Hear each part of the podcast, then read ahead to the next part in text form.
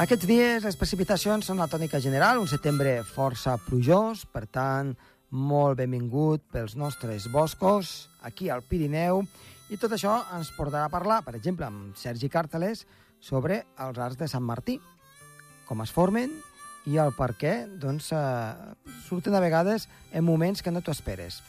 I, a més a més, parlarem d'un fenomen que al llarg del final de l'estiu, la tardor i també la primavera va sorgint de tant en tant i causa fortes precipitacions, com són les gotes fredes o també s'anomena dana. Això ho explicarà en Josep Maria Gasca. En el programa que tot just comença. Som-hi!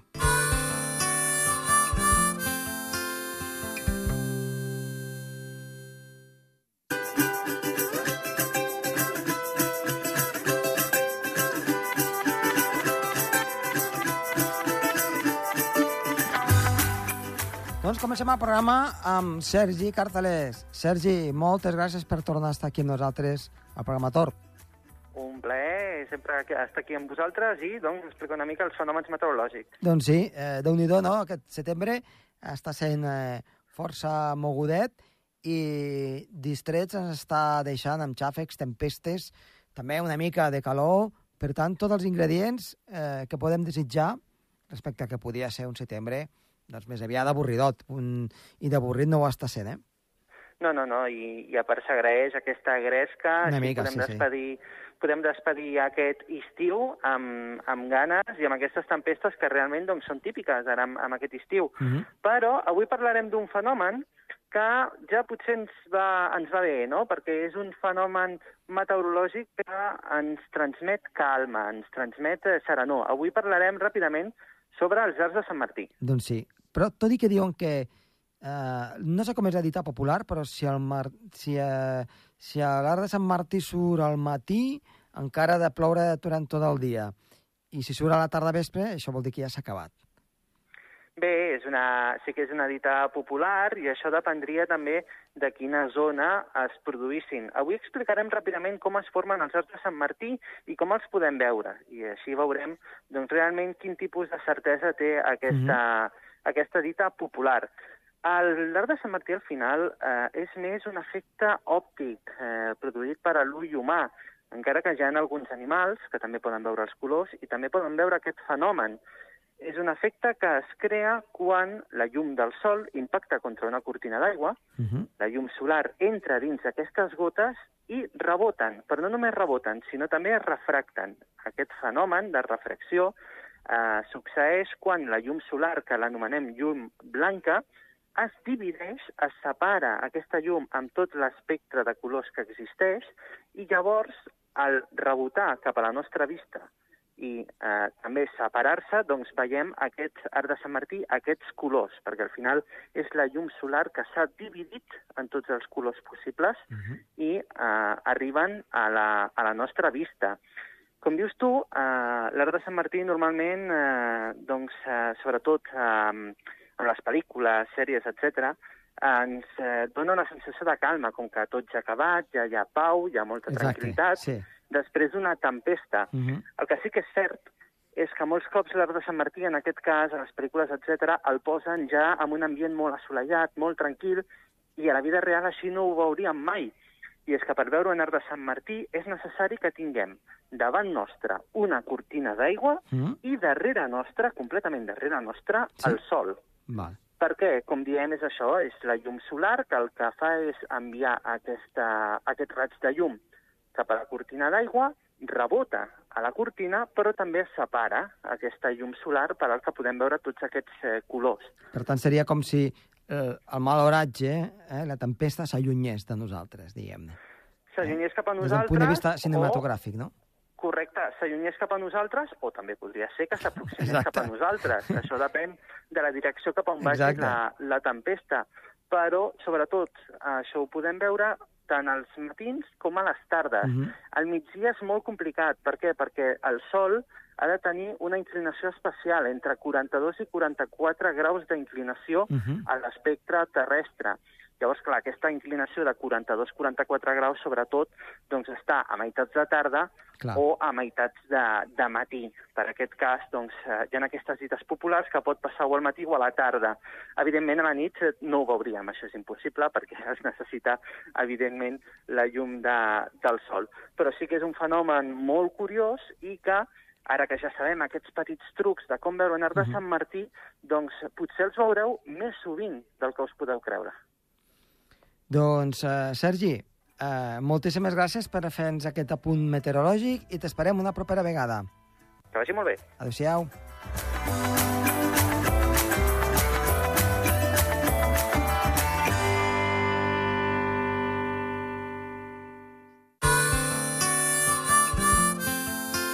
El Torb, amb Josep Tomàs.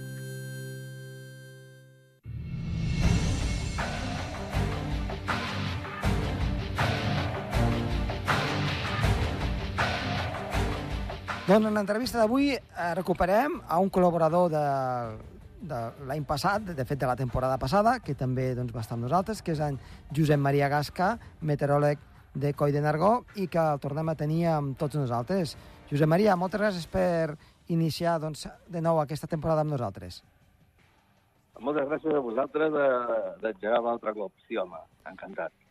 Doncs eh, tenim uns, uns dies de força pluja, tempestes locals, algunes doncs, més generals, i avui ens, ens vols parlar una mica d'aspectes relacionats amb el que seria doncs, la gota freda, típica de finals d'estiu, de tardor i també de primavera, o, o també l'anomenada dana. Exactament. Sí, eh, una mica era fer una petita, un, un relatori dels fenòmens eh, de la bota freda i de la dana, eh, si són la mateixa cosa o són diferents, i també comentar eh, una mica la intoxicació que té mm. la societat d'expressions com el crisi climàtica, canvi climàtic, escalfament global, forat de capa d'ozó, l'efecte hivernacle, la gota freda i la dana, eh, tot barrejat, eh? Tot barrejat, eh? Pujada de nivells d'oceans, oceans, fusió de gels, el cataflow, que és el que seria tècnicament en anglès, que es diu la dana, i, i per acabar, doncs, inclús els incendis de sisena generació que estem veient avui per la tele aquests dies, mm -hmm. de l'incendi d'Andalusia, que l'opinió pública pot sentir molts noms, però què vol dir això, què vol dir allò, que... i clar, com que no podem parlar-ho de tot de cop, potser comencem a parlar una mica de, de la gota freda i la dana. Va. La, la gota freda i la dana és el mateix. La gota freda és l'expressió més, diguem-ne, arcaica o més antiga del fenomen. La dana és la més eh, actual. Eh, l'expressió gota freda, que ve de, dèiem alemany, eh, la paraula Karl Luftdrop, o Tropfen, el que és la gota freda, eh, gota freda simplement, uh -huh. eh, es va començar a aparèixer en un escrit ja al segle XIX, el 1886 però, de fet, aquí a Espanya, diguem a Espanya, no, no aquí, sinó a la península ibèrica, els meteoròlegs importants que estaven a Madrid en aquella època, uh -huh. el més important, amb, sobretot en meteorologia, meteorologia eh, aeronàutica, era el don Manuel Ledesma Jimeno, que es va morir el 2011, i va, en un llibre, a principis de la meteorologia i climatologia, va citar que la gota freda era una borrasca que es forma a l'altura de 5.000 a 9.000 metres i que, i que va ser més o menys descoberta l'any 49, de, en quant a aquí a Espanya la seva aplicació. Hem de pensar que en meteorologia hi havia l'escola alemana, eh, que eren els alemanys, l'escola noruega, que va ser molt important. Aquestes eren les dues escoles dominants. L'escola anglosaxona potser no pintava tant, però la noruega ja des de principis del segle XX hi era una escola molt important i l'escola alemanya també. A Espanya, l'Institut Nacional de Meteorologia o l'Institut de Meteorologia Nacional anava molt lligada a la mà de l'escola alemanya. Vull dir que seguia bastant l'escola alemanya i les definicions que es feien les aplicaven aquí.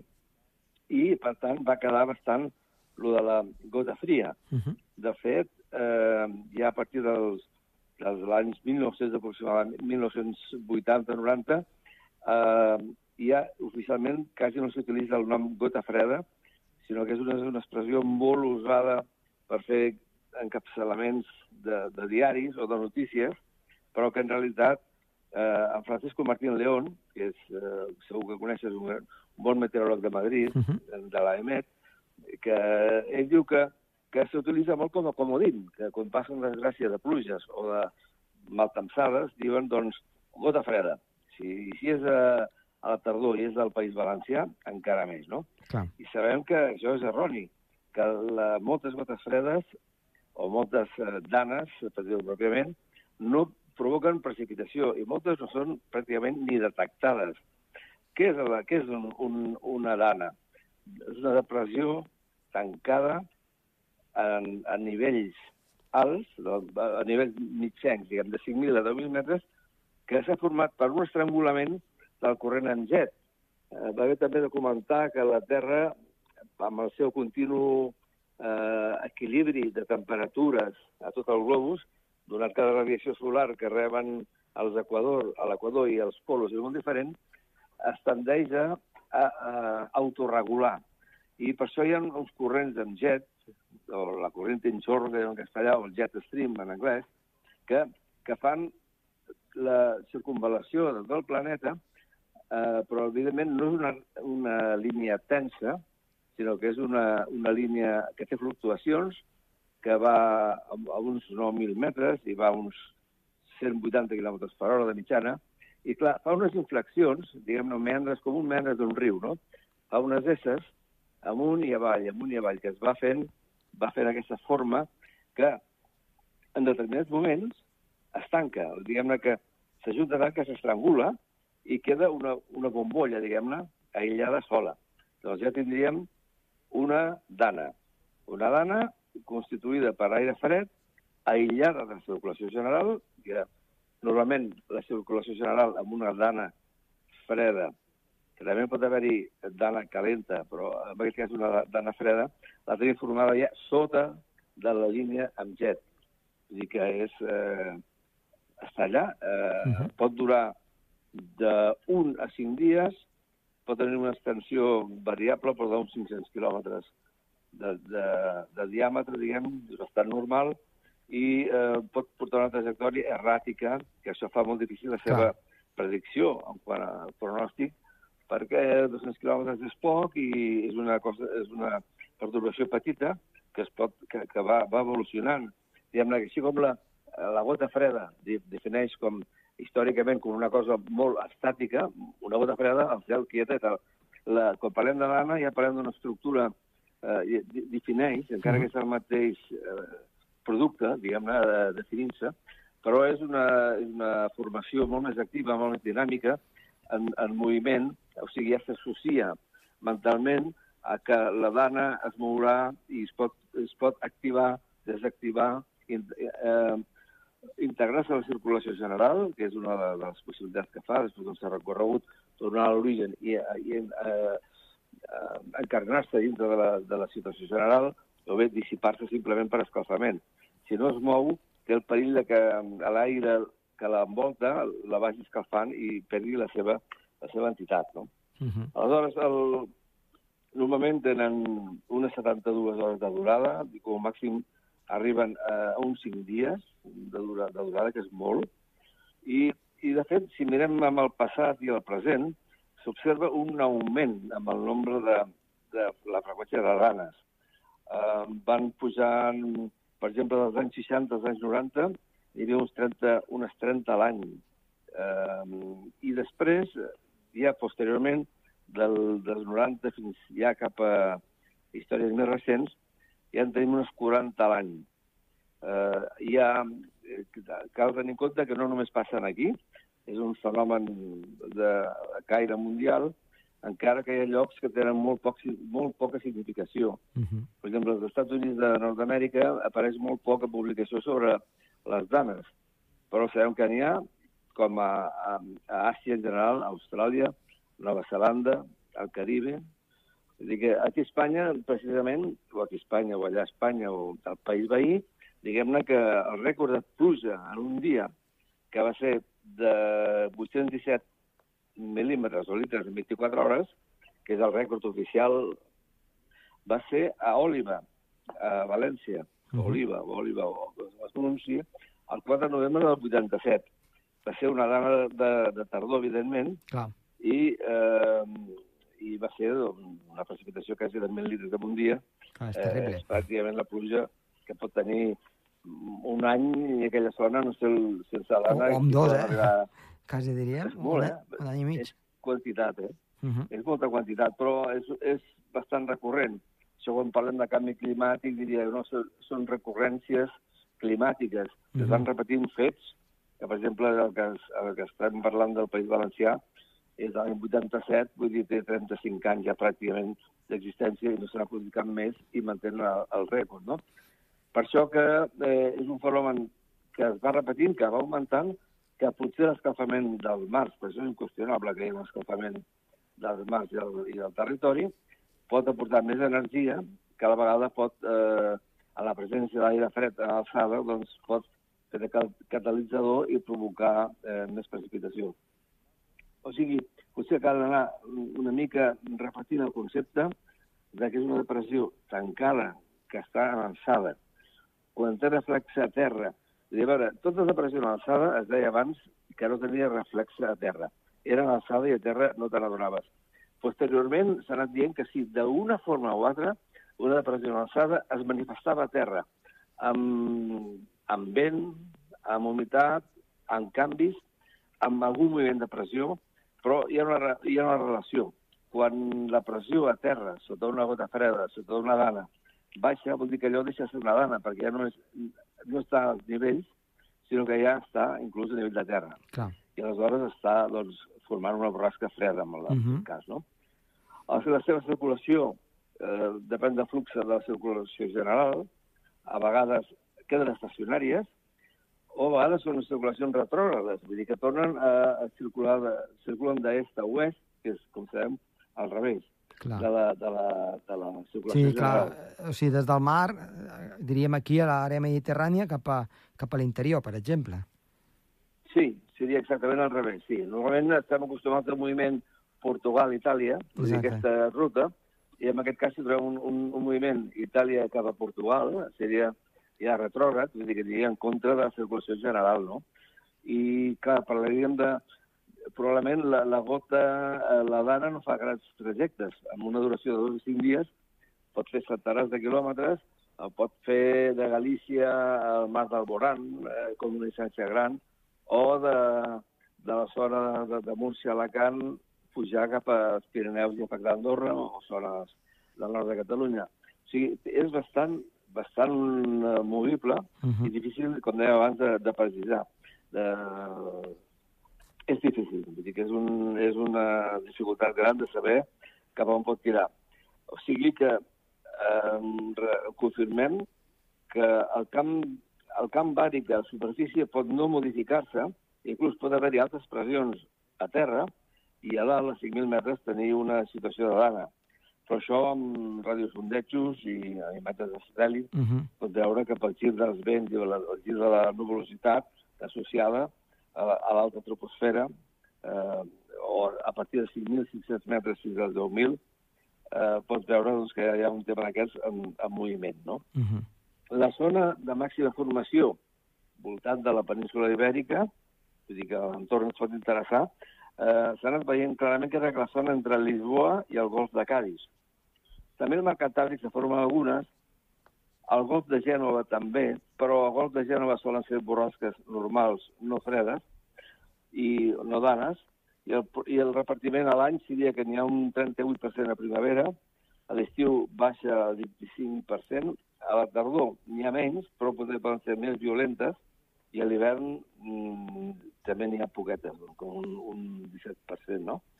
Els moviments que fan normalment són el més normal és de direcció cap al nord, dir que diria una gota freda seguint de llibre formada al golf de Cádiz entre Lisboa i Cádiz, eh, potser aniria cap a Gibraltar i potser pujaria per la, pel País Valencià, o Múrcia, Almeria, País Valencià, eh, Catalunya, Pirineu, Andorra, més o menys. Passa que acostumaria a anar una mica per la costa Uh i -huh. potser no afectaria tant com podria afectar, per exemple, el Maresme o Costa Brava o província de Girona, no? Però aquesta fos la trajectòria.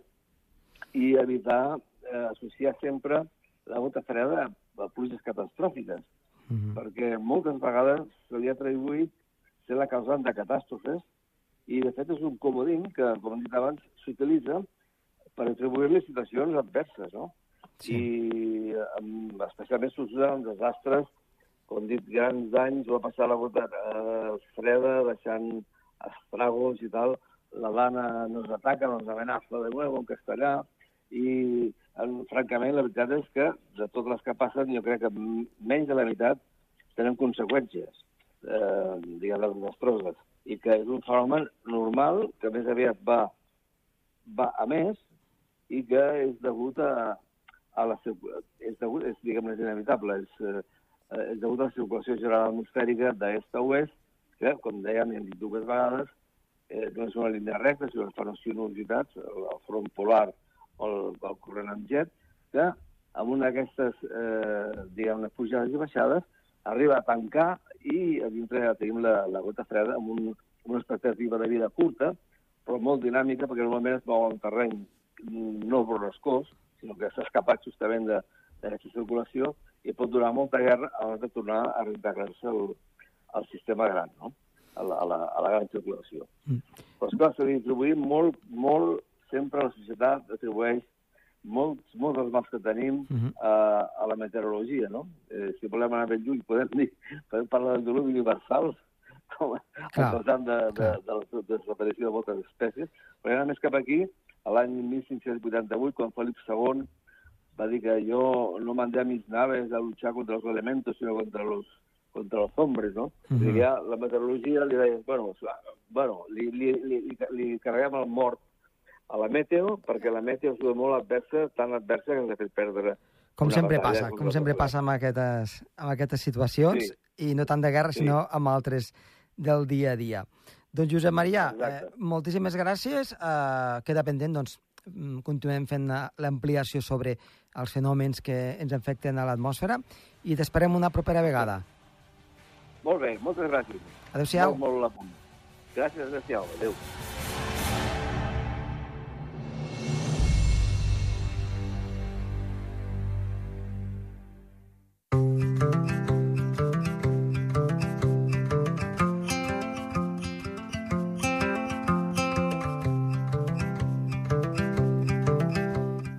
aquí acaba el programa d'avui. Esperem que els hi hagi agradat. Recordin, agafin el paraigües. Amb tot el que hem explicat, el paraigües l'hem de tenir al costat. Està a les vies de so, Toni Escur, i qui els ha parlat molt de gust, Josep Tomàs.